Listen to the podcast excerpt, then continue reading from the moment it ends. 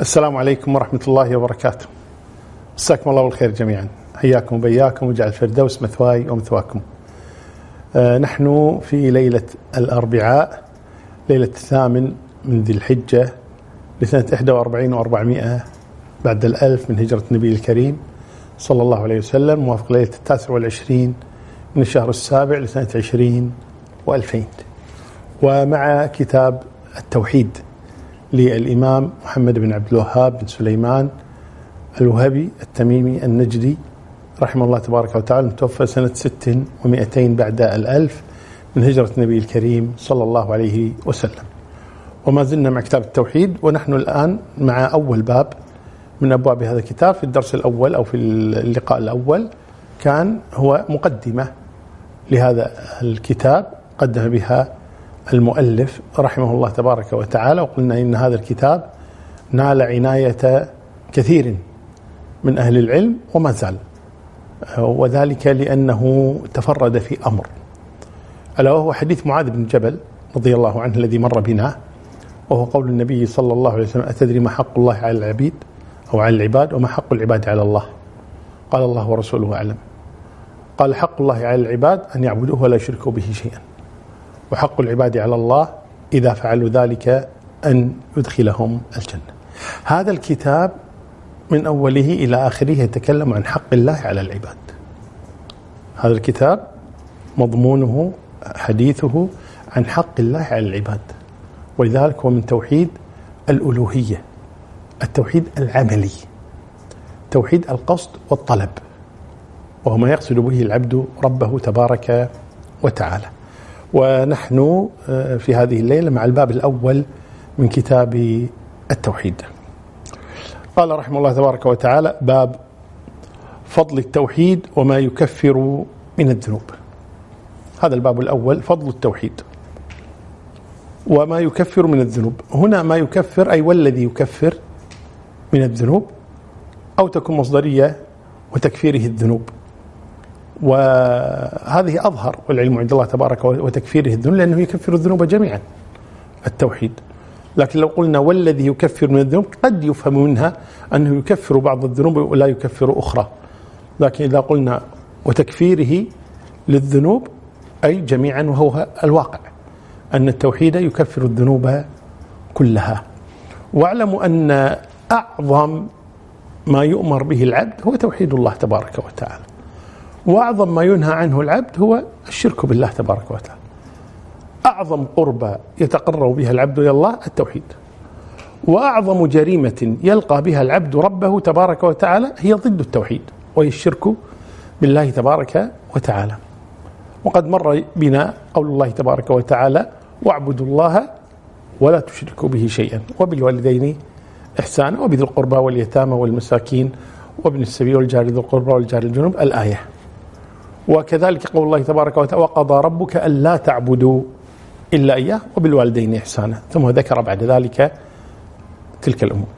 ومرت بنا أيضا الآية وهي قول الله تبارك وتعالى في الوصايا العشر قل تعالوا أتلوا ما حرم ربكم عليكم ألا تشركوا به شيئا وبالوالدين إحسانا. ولا ولا تقتلوا أولادكم من إملاق نحن نرزقهم أو نحن نرزقكم وإياهم إلى آخر الآيات.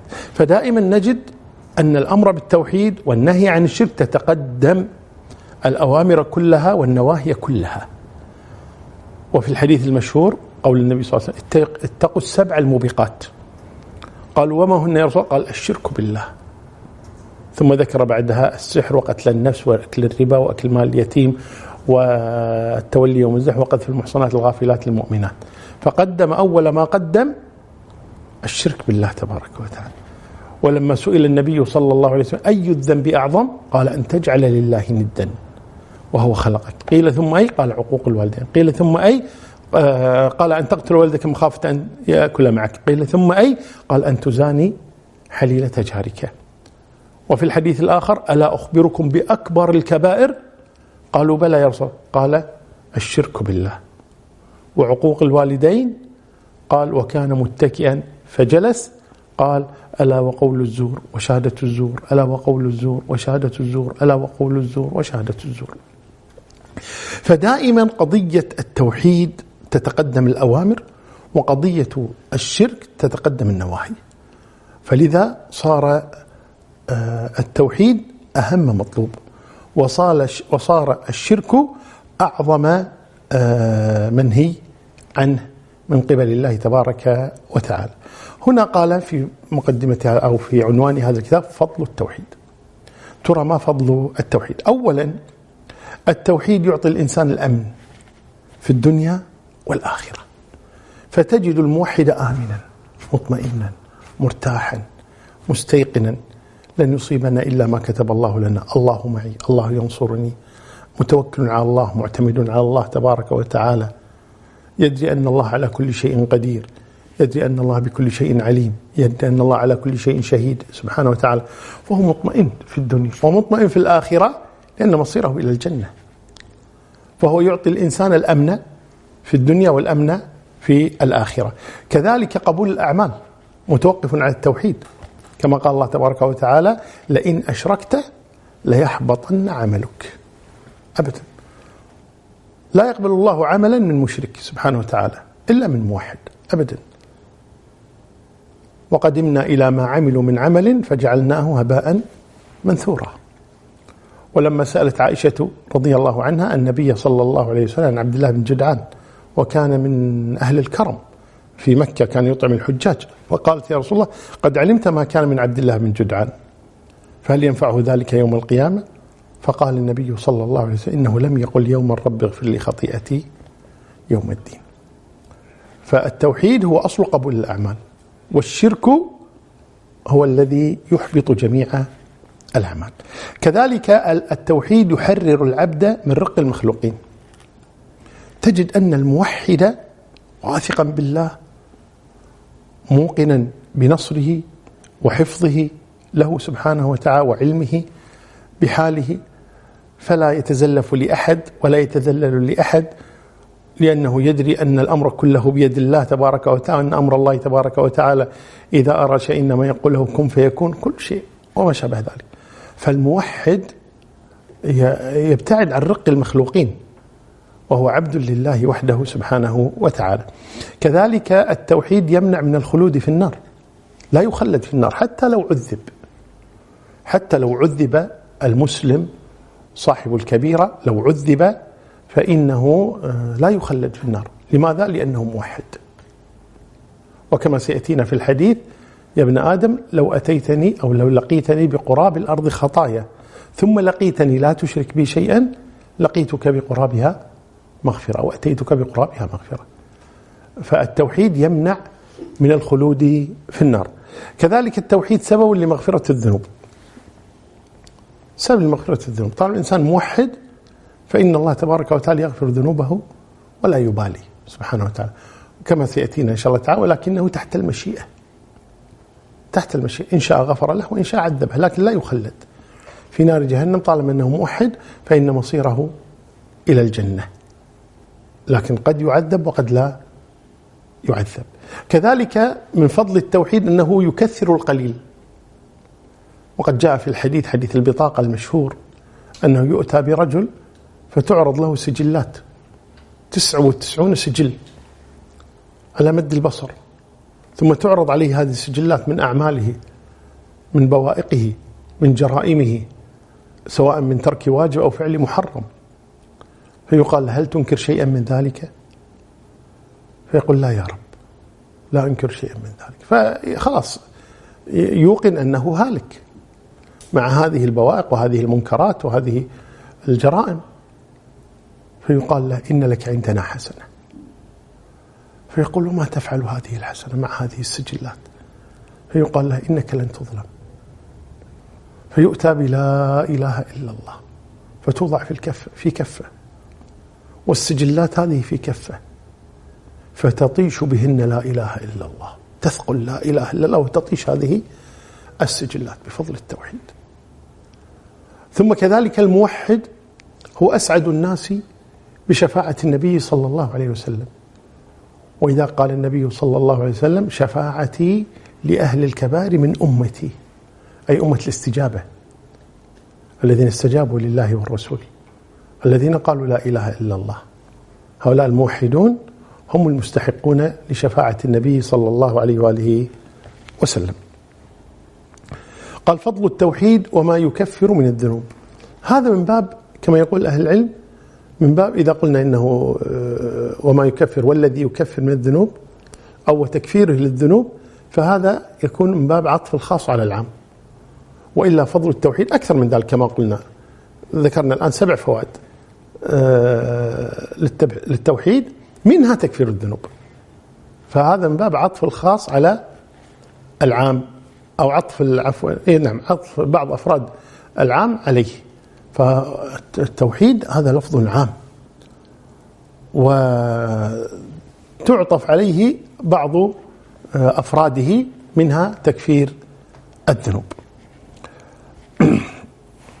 قال وقول الله تعالى الذين آمنوا ولم يلبسوا إيمانهم بظلم أولئك لهم الأمن وهم مهتدون. الذين آمنوا ولم يلبسوا إيمانهم بظلم أولئك لهم الأمن وهم مهتدون. آية عظيمة. لما نزلت هذه الآية على النبي صلى الله عليه وسلم خاف أصحاب النبي صلى الله عليه وسلم. لأن هذه الآية لها منطوق ولها مفهوم. منطوقها الذين آمنوا ولم يلبسوا إيمانهم بظلم أولئك لهم الأمن. وهم مفهومها أن الذين آمنوا ولبسوا إيمانهم بظلم ليس لهم الأمن ولا هم مهتدون. فخاف الصحابة رضي الله عنهم. وأتوا النبي صلى الله عليه وسلم وقالوا يا رسول أينا لم يظلم نفسه؟ الآية تشترط. ولم يلبسوا إيمانا بظلم أي ظلم؟ نكرة أي ظلم؟ ما منا من أحد إلا ويظلم نفسه أو يظلم غيره. فلا ندخل في هذه الآية. فطمأنهم النبي صلى الله عليه وسلم. قال أو ما سمعتم قول العبد الصالح؟ يعني لقمان يا بني لا تشرك بالله إن الشرك لظلم عظيم. يعني ليس الظلم الذي تذهبون إليه هو الكلمة العامة هذه ولكن ظلم معين وهو ظلم الشرك. فيكون معنى الآية الذين آمنوا ولم يلبسوا إيمانهم بشرك أولئك لهم الأمن. فالذين لم يلبسوا إيمانهم بشرك هم الذين لهم الأمن. فالظلم هنا وإن أطلق يراد به معنى معينا ألا وهو الشرك. والظلم كما قال أهل العلم ثلاثة أنواع. ظلم الشرك وهو أعظمها وفيها قول الله تبارك وتعالى يا بني لا تشرك بالله إن الشرك لظلم عظيم. وتأتي الظلم اللي هو ظلم المخلوقين الظلم الذي يقع بين الناس بعضهم لبعض. أخذ ماله هتك عرضه آه، آذاه آه، منع حقه. ظلم الذي يكون بين الناس. الظلم الثالث ظلم النفس فيما هو دون الشرك وهي كل المعاصي تقريبا. كل المعاصي ظلم للنفس كما قال الله تبارك وتعالى وما ظلمونا ولكن أنفسهم يظلمون فأي إنسان يقع في معصية فقد ظلم نفسه. فهذا ظلم أيضا. إذا ظلم الشرك ظلم النفس بما هو دون الشرك ظلم الآخرين. طيب ما المقصود هنا؟ الذين آمنوا ولم يلبسوا إيمانهم بظلم. أولئك لهم الأمن وهم مهتدون. بين النبي ذلك صلى الله عليه وسلم وأن الظلم هنا هو الشرك. طيب أولئك لهم الأمن. الظلم مع الأمن آه، لهما حالات. فإذا سلم الإنسان من ظلم الشرك وظلم المعصية وظلم الناس فهذا له الأمن التام. له الأمن التام لأنه سلم من الظلم كله. سلم من ظلم الشرك سلم من ظلم النفس فيما هو دون الشرك سلم من ظلم الناس. هذا له الأمن التام يسمى الأمن المطلق. النوع الثاني من الناس وهو الذي سلم من ظلم الشرك لكنه أصاب ظلم النفس تقع منه المعاصي. كل ابن آدم خطاء. أو ظلم الناس فأصاب الناس بظلم فهذا لم لم يسلم له الأمن كله. فهذا له أمن ولكن ليس كل الأمن. ولذلك قالوا له مطلق الأمن وليس له الأمن المطلق. الأمن المطلق الكامل التام لمن سلم من الظلم كله بأنواعه الثلاثة. ومن قصر فوقع منه ظلم النفس أو ظلم الغير فالأمن يقل لكن له أمن طالما أنه موحد. فإذا أخل بالتوحيد فلا أمن. يذهب الأمن كله. إذا الأمن بكماله لمن سلم من الظلم كله. له أمن ما إذا سلم من ظلم الشرك ولو لم يسلم من ظلم النفس وظلم الآخرين. ليس له أمن إذا لم يسلم من ظلم الشرك. فالآية إذن الذين آمنوا ولم يلبسوا إيمانهم بظلم. ما معنى لم يلبسوا إيمانهم بظلم؟ إما لم يلبسوا إيمانهم بظلم. اللبس هو تغطية البدن. اللباس تغطية البدن.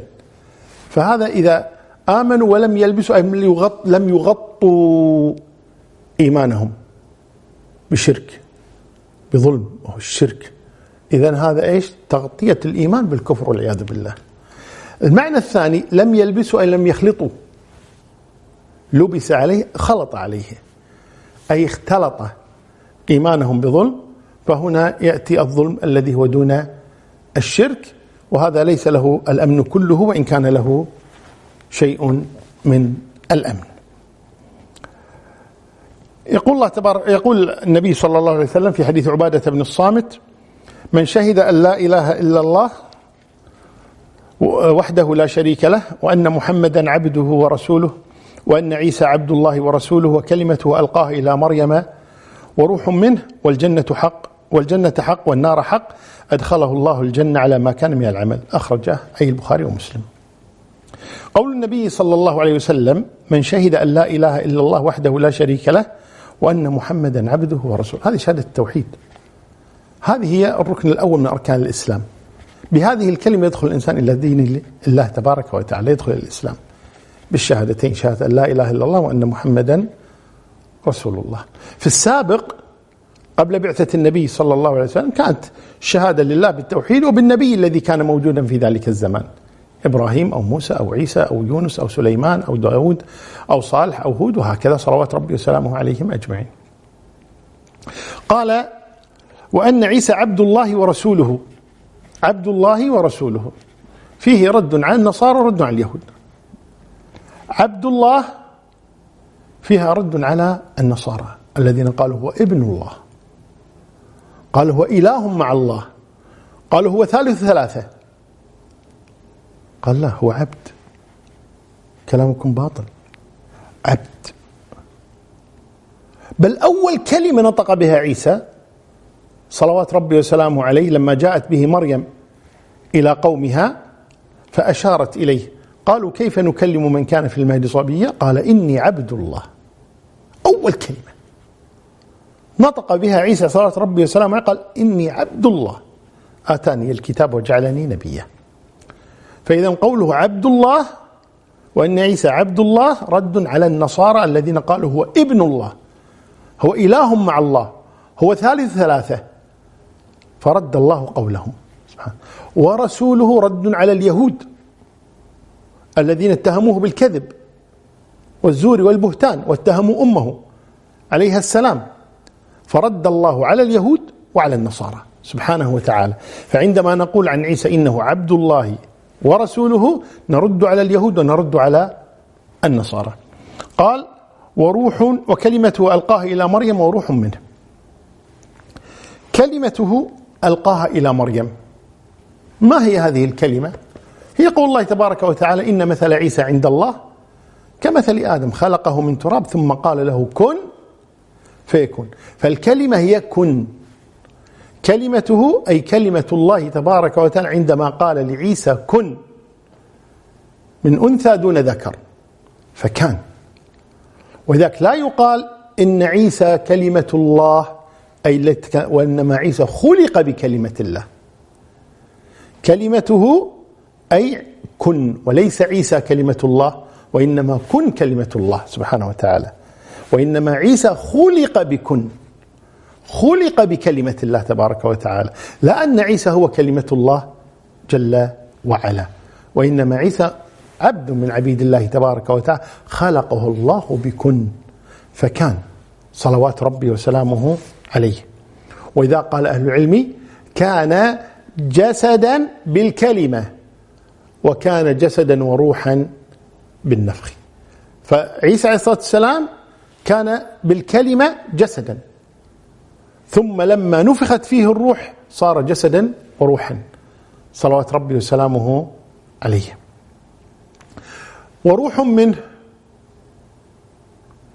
روح منه أي من الله لا أنه جزء من الله. وإنما هذه الروح هي من الله عطاء. ولذا ما ينسب إلى الله سبحانه يضاف إلى الله سبحانه وتعالى عندما نقول روح الله ناقة الله بيت الله عبد الله هذه النسب طيب هذه النسب تنقسم إلى قسمين. إن كانت هذه الكلمة في معنى قائم فهي أضيفت إلى الله إضافة تشريف. وروح الله. كلمة الله بيت الله عبد الله ناقة الله تشريف. أما إذا كانت ليست في معنى قائم كمثل سمع الله بصر الله علم الله قدرة الله ما في شيء قدرة تشوفها تمشي ولا سمع يمشي ولا بصر يمشي هذه معاني. معاني. هذه صفات لله تبارك وتعالى. إذا ما يضاف إلى الله تبارك وتعالى إذا كان هذا الذي يضاف إلى الله جل وعلا عينا تلمس فالإضافة إضافة التشريف.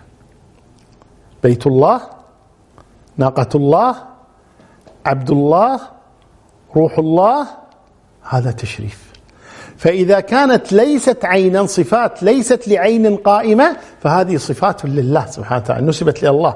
سمع الله بصر الله قدرة الله علم الله عزة الله سبحانه وتعالى. هذه صفات لله تبارك وتعالى. ولذلك لا يقال لعيسى أنه صفة من صفات الله جل وعلا وإنما هو مخلوق من مخلوقات الله. وأما قوله وروح منه كما قال الله تبارك وتعالى وسخر لكم ما في السماوات وما في الأرض جميعا منه. ليست منه إنها جزء من الله تبارك وتعالى وإنها منه أي هبة منه عطاء منه. وكذلك عيسى عطاء من الله تبارك وتعالى. وقول الله تبارك ونفخنا فيها من روحنا. نفخ من روح هنا إما أن يكون الروح هنا عيسى آه، جبريل عليه الصلاة والسلام وهو الروح القدس. ونفخنا فيها من روحنا أي عن طريق روحنا وهو روح القدس. وأيضا هنا تشريف إضافة تشريف وإما أن يقول من روحنا أي الروح التي قذفها الله تبارك وتعالى في جسد عيسى صلوات ربي وسلامه فصار جسدا وروحا. فإذا قول الله قول النبي صلى الله عليه وسلم وكلمته ألقاها إلى مريم وروح منه يقول الإمام أحمد كان عيسى بكن وليس هو كن ولكن بكن كان عيسى. صلوات ربي وسلامه عليه.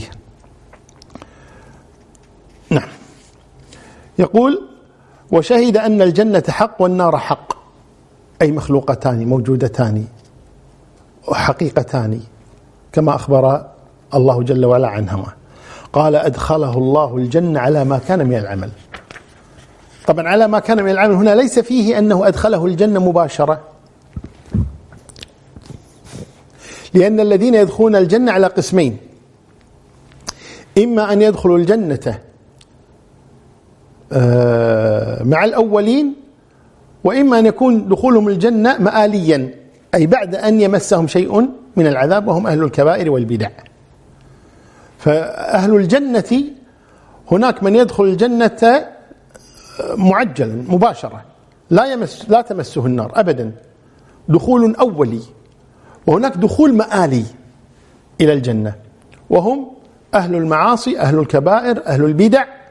من الموحدين فهؤلاء مصيرهم إلى الجنة ولكن آه، قد يمسهم شيء من العذاب. قال ولهما أي للبخاري ومسلم من حديث عثمان فإن الله حرم على النار من قال لا إله إلا الله يبتغي بذلك وجه الله. عتبان ابن مالك رضي الله عنه كان قد عمي. فأتى النبي صلى الله عليه وسلم وسأله أن يصلي له في بيته لأنه إذا جاء السيل لا يستطيع أن يأتي إلى مسجد النبي صلى الله عليه وسلم. قال فيا رسول الله صل في بيتي في مكان أتخذه مسجدا أصلي فيه كلما يعني عجزت عن الخروج من البيت. فجاءه النبي صلى الله عليه وسلم إكراما له صلى الله عليه وسلم. جاءه قال أين تريد أن أصلي؟ قال هنا. وسمع أناس من جيرانه وأصحابه من جيران وأصحاب عتبان ابن مالك فجاءوا لبيته آه، لرؤية النبي صلى الله عليه وسلم. فلما جاءهم آه، لما جاءوا قال بعضهم أين مالك بن الدخشن أو الدخيشن؟ أين مالك بن الدخشن؟ فقال بعضهم ما لك ومالك إنه منافق. يقول عن مالك بن الدخشن إنه منافق. لا يحب الله ورسوله. فقال النبي صلى الله عليه وسلم لا تقل ذلك. ألا تراه؟ قال لا إله إلا الله. يريد بذلك وجه الله. قالوا يا رسول الله إنا نرى وجهه ونصيحته للمنافقين. فقال النبي صلى الله عليه وسلم فإن الله حرم على النار. كل من قال لا إله إلا الله يريد بذلك وجه الله. تأديب من النبي صلى الله عليه وسلم لا لا تتهم القلوب. القلوب لا يعلم بها إلا الله. وإن كان الإنسان قد يظهر أحيانا بعض الأعمال التي هي قد تدل على شيء من باطنه لكن الشاهد من هذا أن النبي صلى الله عليه وسلم نهاهم عن ذلك. وقوله يبتغي بذلك وجه الله ليخرج المنافقين. لأن المنافقين يقولون لا إله إلا الله. إذا جاءك المنافقون قالوا نشهد إنك لرسول الله. والله يعلم إنك لرسوله والله يشهد إن المنافقين لكاذبون. ثم بعد ذلك آه، ذكر المؤلف رحمه الله تبارك وتعالى قال عن أبي سعيد الخدري عن رسول الله صلى الله عليه وسلم قال قال موسى يا رب علمني شيئا أذكرك وأدعوك به. قال قل يا موسى لا إله إلا الله. استغرب موسى. قال كل عبادك يقولون هذا. أبي شيء خاص. كل عبادك يقولون هذا. كل عبادك يقولون لا إله إلا الله. فقال الله تبارك وتعالى يا موسى لو أن السماوات السبع وعامرهن غيري والأراضين السبع في كفة ولا إله إلا الله في كفة مالت بهن؟ لا إله إلا الله. وهذا يبين لنا منزلة هذه الكلمة. قال رواه ابن حبان والحاكم وصحح وهذا الأحاديث من الأحاديث التي انتقدت على الشيخ محمد عبد الوهاب رحمه الله تبارك وتعالى آه، بحيث إنها لم تصح. وهذا هو الصحيح لم يثبت هذا الحديث لأنه من رواية آه، دراج أبي السمح عن أبي الهيثم وروايته عنه كما قال أحمد وغيره منكرة. فهذا الحديث لا يصح لا يثبت عن النبي صلى الله عليه وسلم. لكن معناه صحيح. معناه صحيح وقد جاء من حديث عبد الله بن عمرو بن العاص. عن النبي صلى الله عليه وسلم أنه قال إن نوحا لما حضرته الوفاة قال لابنه أوصيك أو آمرك باثنتين وأنهاك عن اثنتين. آمرك بلا إله إلا الله. فإن السماوات السبع والأراضين السبع لو جعلت في كفة ولا إله إلا الله في كفة رجحت بهن. لا إله إلا الله. وهذا الحديث أخرجه أحمد وإسناده حسن. وهو أحسن من هذا الحديث الذي ذكره المؤلف رحمه الله تبارك وتعالى لأنه يعني آه، ضعيف وإن كان بعض أهل حسنه آه، خاصة مع حديث عبد الله بن عمرو بن العاص فرأى أنهما أن أن أنه يتقوى به يكون شاهدا له يعني. وذكر السماوات السبع والأراضين السبع. العادة يقال السماوات السبع والأرض. السماوات والأرض. لا تذكر الأراضين السبع. ذكرت مرة واحدة في كتاب الله تبارك وتعالى في قول الله تبارك وتعالى في آخر سورة الطلاق الله الذي خلق سبع سماوات ومن الأرض مثلهن. يتنزل الأمر بينهن لتعلموا أن الله على كل شيء قدير وأن الله قد أحاط بكل شيء علما. وذكرت في حديث النبي صلى الله عليه وسلم من ظلم شبرا من أرض طوقه يوم القيامة من سبعة أراضين آه وهذا في الصحيحين. فإذا الأراضون سبع كما أن السماوات سبع لكن لم يأتي النص على الأراضين السبع إلا في آية من كتاب الله تبارك وتعالى آه، في قوله ومن الأرض مثلهن. طيب آه، الله الذي خلق سبع سماوات ومن الأرض مثلهن يعني أيضا سبعة سبعة أراضين ثم الحديث طوقه من سبعة أراضين. هذا الذي يثبت أن الأراضي سبع كما أن السماوات سبع. آه، قيل لوهب بن منبه رضي الله عنه ورحمه التابعين قيل له أليست لا إله إلا الله يدخل بها صاحبها الجنة؟ قال بلى. ولكن قالوا أليست هي مفتاحا للجنة؟ قال بلى. ولكن أليس لكل مفتاح أسنان؟ فإن كانت له أسنان فتح وإن لم تكن له أسنان لم يفتح. فلا إله إلا الله لها أسنان لها شروط. كما قال أهل العلم في شروط لا إله إلا الله قالوا علم يقين وإخلاص وصدقك مع محبة وانقياد والقبول لها. هذه سبعة شروط تسمى شروط لا إله إلا الله. العلم المنافي للجهل اليقين المنافي للشك الإخلاص المنافي للنفاق الصدق المنافي المنافي للكذب المحبة المنافية للكراهية الانقياد المنافي للعناد القبول المنافي للرفض. هذه تسمى شروط لا إله إلا الله. فإذا اجتمعت هذه الشروط صحت لا إله. وإلا النبي صلى الله عليه وسلم يقول الحج عرفة. لكن لو واحد ذهب إلى عرفة ورجع ما كمل حجه. لكن هو ينبه إلى أن أهم شيء في الحج عرفة أو أن بإدراك عرفة يدرك الحج. لكن ليس الحج كله عرفة. ولذلك لا إله إلا الله لوحدها بدون هذه الشروط لا تنفع صاحبها. حتى تكون مع هذه الشروط. العلم اليقين الإخلاص الصدق المحبة الانقياد القبول. إذا كانت هذه الشروط موجودة قبلت هذه الكلمة.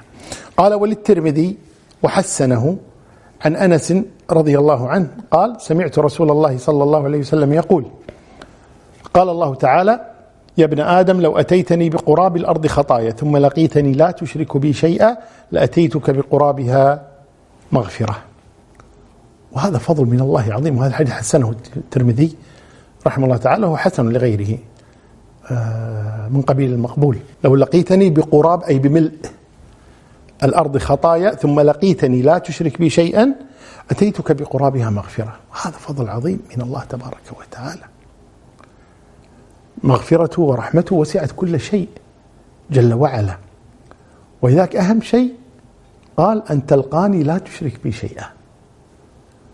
وهنا أيضا آه لقيتك بقرابها مغفرة لا يلزم منه أن يدخل الجنة كذلك دخولا أوليا ممكن يكون الدخول دخولا مآليا ولذلك يقولون عن هذا وأمثاله يعني مصيره إلى الجنة وهو تحت المشيئة.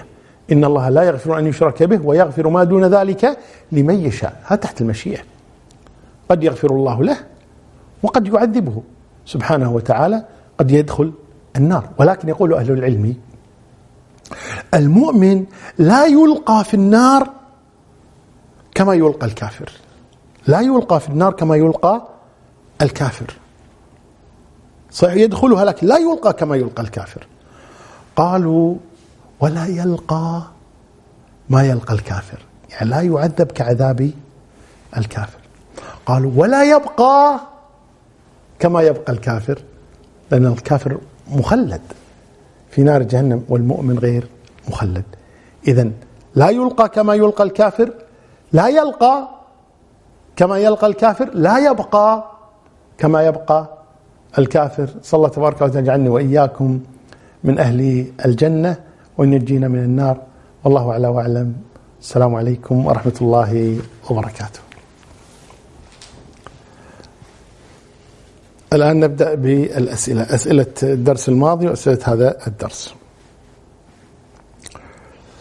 يقول السائل ما صحة أثر عبد الله بن مسعود رضي الله عنه من أراد أن ينظر إلى وصية محمد صلى الله عليه وسلم عليها خاتمه؟ فليقرأ قوله تعالى قل تعالوا أتل ما حرم ربكم عليكم إلى قوله وأن هذا صراط مستقيم. نعم حسنه الترمذي وغيره من أهل العلم وهو أثر آه، عن ابن مسعود رضي الله عنه وليس حديثا مرفوعا إلى النبي صلى الله عليه وسلم. كيف وصلنا حديث معاذ بن جبل والرسول صلى الله عليه وسلم قال لا تبشرهم؟ نعم قال أهل العلم قالها حتى يتأثم يعني قالها يتأثم يعني خاف من الإثم أنه يخاف أنه يكون كتم علما. هو ما قالها بأمر النبي صلى الله عليه وسلم لكن عندما قرب موته خشي أن يكون كتم علما فقالها من هذا الباب لا من باب آه، أن يتكل الناس ولكن من باب أنه خبر أخبر به النبي صلى الله عليه وآله وسلم. هل فعلا هناك أحاديث ضعيفة في كتاب التوحيد؟ مر بنا الآن. الآن حديث ضعيف. سيأتي بعض الأحاديث الضعيفة لكنها قليلة جدا. يقول حكم نقل الأصوات بعقود مزورة لأجل الانتخابات. مجلس أمة مجلس بلدي جمعية تعاونية أو شيء آخر. هذا خارج الموضوع. على كل حال يعني آه، مصيبة الناس الآن آه، أكلتهم الدنيا والعياذ بالله. يعني هذا تزوير. عندما يأتي يعني يغير آه، منطقته لأجل أن يصوت يعني سيخرج عقدا مزورا أنه مؤجر في هذا المكان أو اشترى بيتا في هذا المكان. وهذا من التزوير. لأجل ماذا؟ لأجل لعاعة من الدنيا. مصيبة الناس اليوم أنهم صاروا يلهثون خلف هذه الدنيا الدنيئة. يكذب يزور يغش يرشي يرتشي لأجل ماذا؟ لأجل دنيا. خذ 500 دينار سجل اسمك في هذه المنطقة حتى تنتخب فلانا. فهذا وقع في الإثم من نواحي. الناحية الأولى أنه أخذ رشوة. الناحية الثانية أنه زور عقدا. الناحية الثالثة أنه إذا التزم وصوت لمن طلب منه أن يصوت له فهذا أيضا والعياذ بالله قد يكون صوت لمن ليس كفءا وليس أهلا. ولو كان أهلا ما دفع مالا لكي يصوت له. سواء كان مجلس أمة سواء كان مجلس بلدي سواء كان جمعية تعاونية أو أي شيء آخر من الأشياء التي تعمل لها هذه الانتخابات للأسف يعني تساهل الناس في هذا وقد لعن النبي صلى الله عليه وسلم الراشي والمرتشي. يعني صاحب البيت عندما يعطي عقدا مزورا لشخص يأتيه يقول أعطني عقدا أني أسكن عندك وخذ هذه أجار ثلاثة أشهر. 1500 دينار. لكن لا يسكن ولا شيء بس يريد هذا العقد لكي يخرج عنوانا عن طريق البطاقة المدنية لكي ينتخب. صاحب البيت أكل حراما. إذا علم أن هذا إنما أخذ ليصوت فقط. بغض النظر يصوت أين.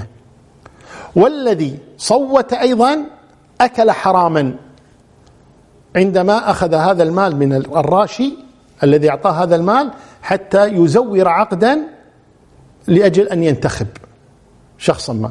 والذي دفع المال ورتب هذه القضية هذا أعظمهم جرما والعياذ بالله. وكل هذا لأجل ماذا؟ لأجل هذه الدنيا الدنية والعياذ بالله. صار الناس لا يفكرون بالحلال والحرام. أكلوا حلالا أكلوا حراما صار لا يفرقون. والآن الذي نسمعه الآن عن غسيل الأموال وغير ذلك من الأموال بسبب الناس تريد مالا من حلال حرام ما صار كثير من الناس يفكرون بهذا. لا يفكرون بالحلال لا يفكرون بالحرام. كيف يحصل المال؟ ولا يهتم. من أين يدخل عليه هذا المال؟ من حل أو من حرام؟ وهذه مصيبة. علينا أن نتقي الله تبارك وتعالى. وأن نعلم علم اليقين أن أرزاقنا مكتوبة. والله الذي لا إله إلا هو. ما كتب الله لك من رزق ستأخذه. إن سرقت ستأخذه وإن لم تسرق ستأخذه. إن كذبت ستأخذه وإن لم تكذب ستأخذه. إن ارتشيت ستأخذه وإن لم ترتشي ستأخذه. لأن الله كتبه لك. كتب رزقك وأنت في بطن أمك. وهذا دليل على أنك لا تؤمن بصدق ما أخبر به النبي صلى الله عليه وسلم. وبصدق ما قال الله تبارك وتعالى ما أصاب من مصيبة في الأرض ولا في أنفسكم إلا في كتاب. من قبل أن نبرأها إن ذلك على الله يسير. أين إيماننا بالقضاء والقدر؟ أين إيماننا بأنه لن يصيبنا إلا ما كتب الله لنا؟ أين إيماننا أن الأرزاق مكتوبة؟ صرنا نلهث خلف الدينار والدرهم. كثير من اللصوص دخلوا السجن ولم ينالوا شيئا من ما قصدوا سرقته. لماذا؟ ليس مكتوبا لهم. وبعض اللصوص سرق وصار عنده المال كثير مكتوب له. لو لم يسرق لجاءه هذا المال. سيأتيه المال بدون سرقة لأنه مكتوب له. ما أجمل كلام علي بن أبي طالب رضي الله عنه. جاءه رجل يسأله مالا. فقير. فقال انتظر أذكر أني عندي دراهم. فدخل يبحث عن الدراهم لا يدري أين وضعها رضي الله عنه. فتأخر على هذا السائل. فالتفت فوجد فرس علي رضي الله فسرق لجام الفرس. وانصرف.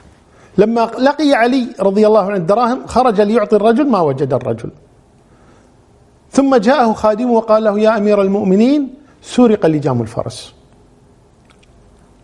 فقال علي رضي الله عنه ما عندي إلا هذه الدراهم اذهب إلى السوق إن استطاع أن تشتري فيها لجاما أو بها لجاما. فذهب فإذا الذي سرق اللجام يبيعه في السوق لأنه لا يريد اللجام يريد المال. فاشتراه منه بالدراهم التي كانت عند علي بأربعة أو سبعة دراهم. فأخذ اللجام ورجع به إلى علي رضي الله وأخذ اللص الدراهم. قال يا أمير المؤمنين وجدت لجام الفرس يباع في السوق. قال علي صف لي الذي اشتريته منه. الشخص فلما وصفه له فإذا هو السائل. قال علي سبحان الله كتب الله له هذه الدراهم. ولو صبر لأخذها بالحلال. لكنه استعجل فأخذها بالحرام. فهي مكتوبة له. لو صبر لأخذها بالحلال لكنه لم يصبر فأخذها بالحرام.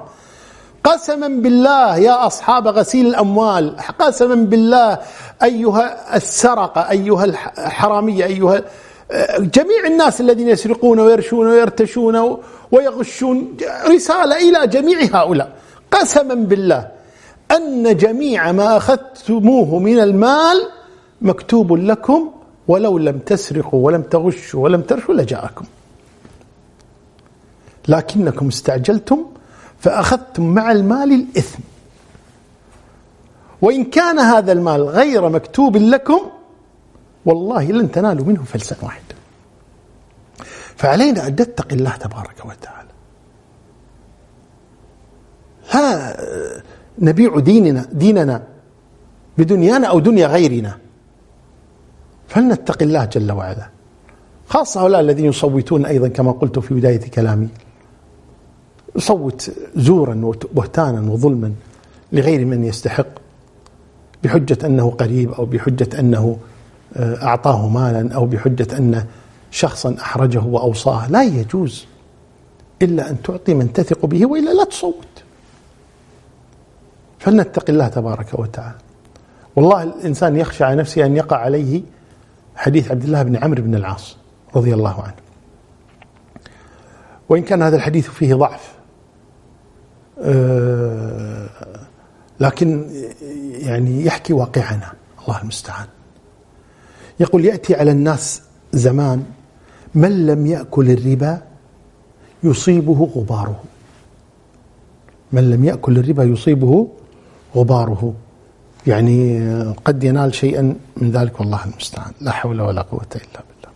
نعم.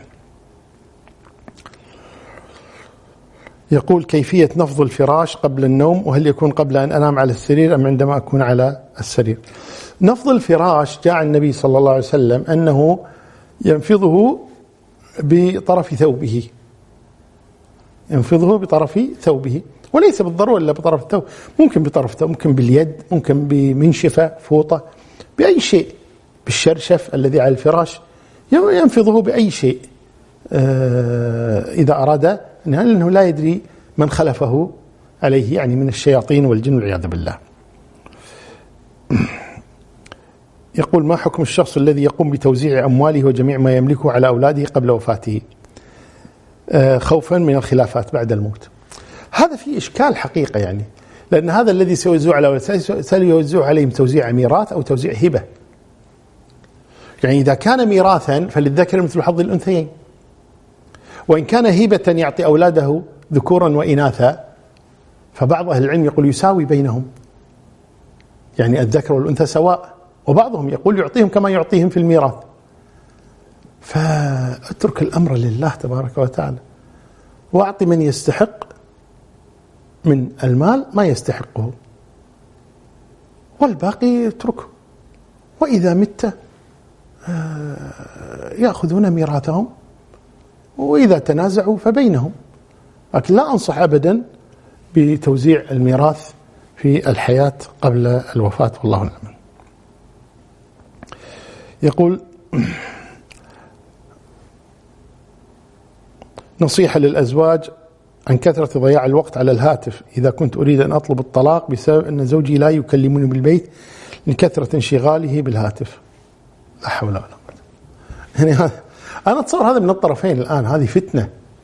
الآن هذا الهاتف الواتساب واليوتيوب والإنستغرام ما أدري بعد شنو يعني هذه الأشياء كلها آه، حقيقة فتنت الناس. حتى يكاد الناس يجلسون في المجلس كل واحد ينظر إلى في هاتفه لا يكلم أحد أحدا. ففسدت العلاقات بين الزوج والزوجة. إما الزوج منشغل بهذا الهاتف وإما الزوجة منشغلة بالهاتف. هذا إذا قلنا إنهم ينظرون أشياء مباحة. أما إذا كان الزوج بعد ينظر إلى أشياء محرمة والزوجة تنظر إلى أشياء محرمة والأولاد ينظرون إلى أشياء محرمة مفاسد في مفاسد.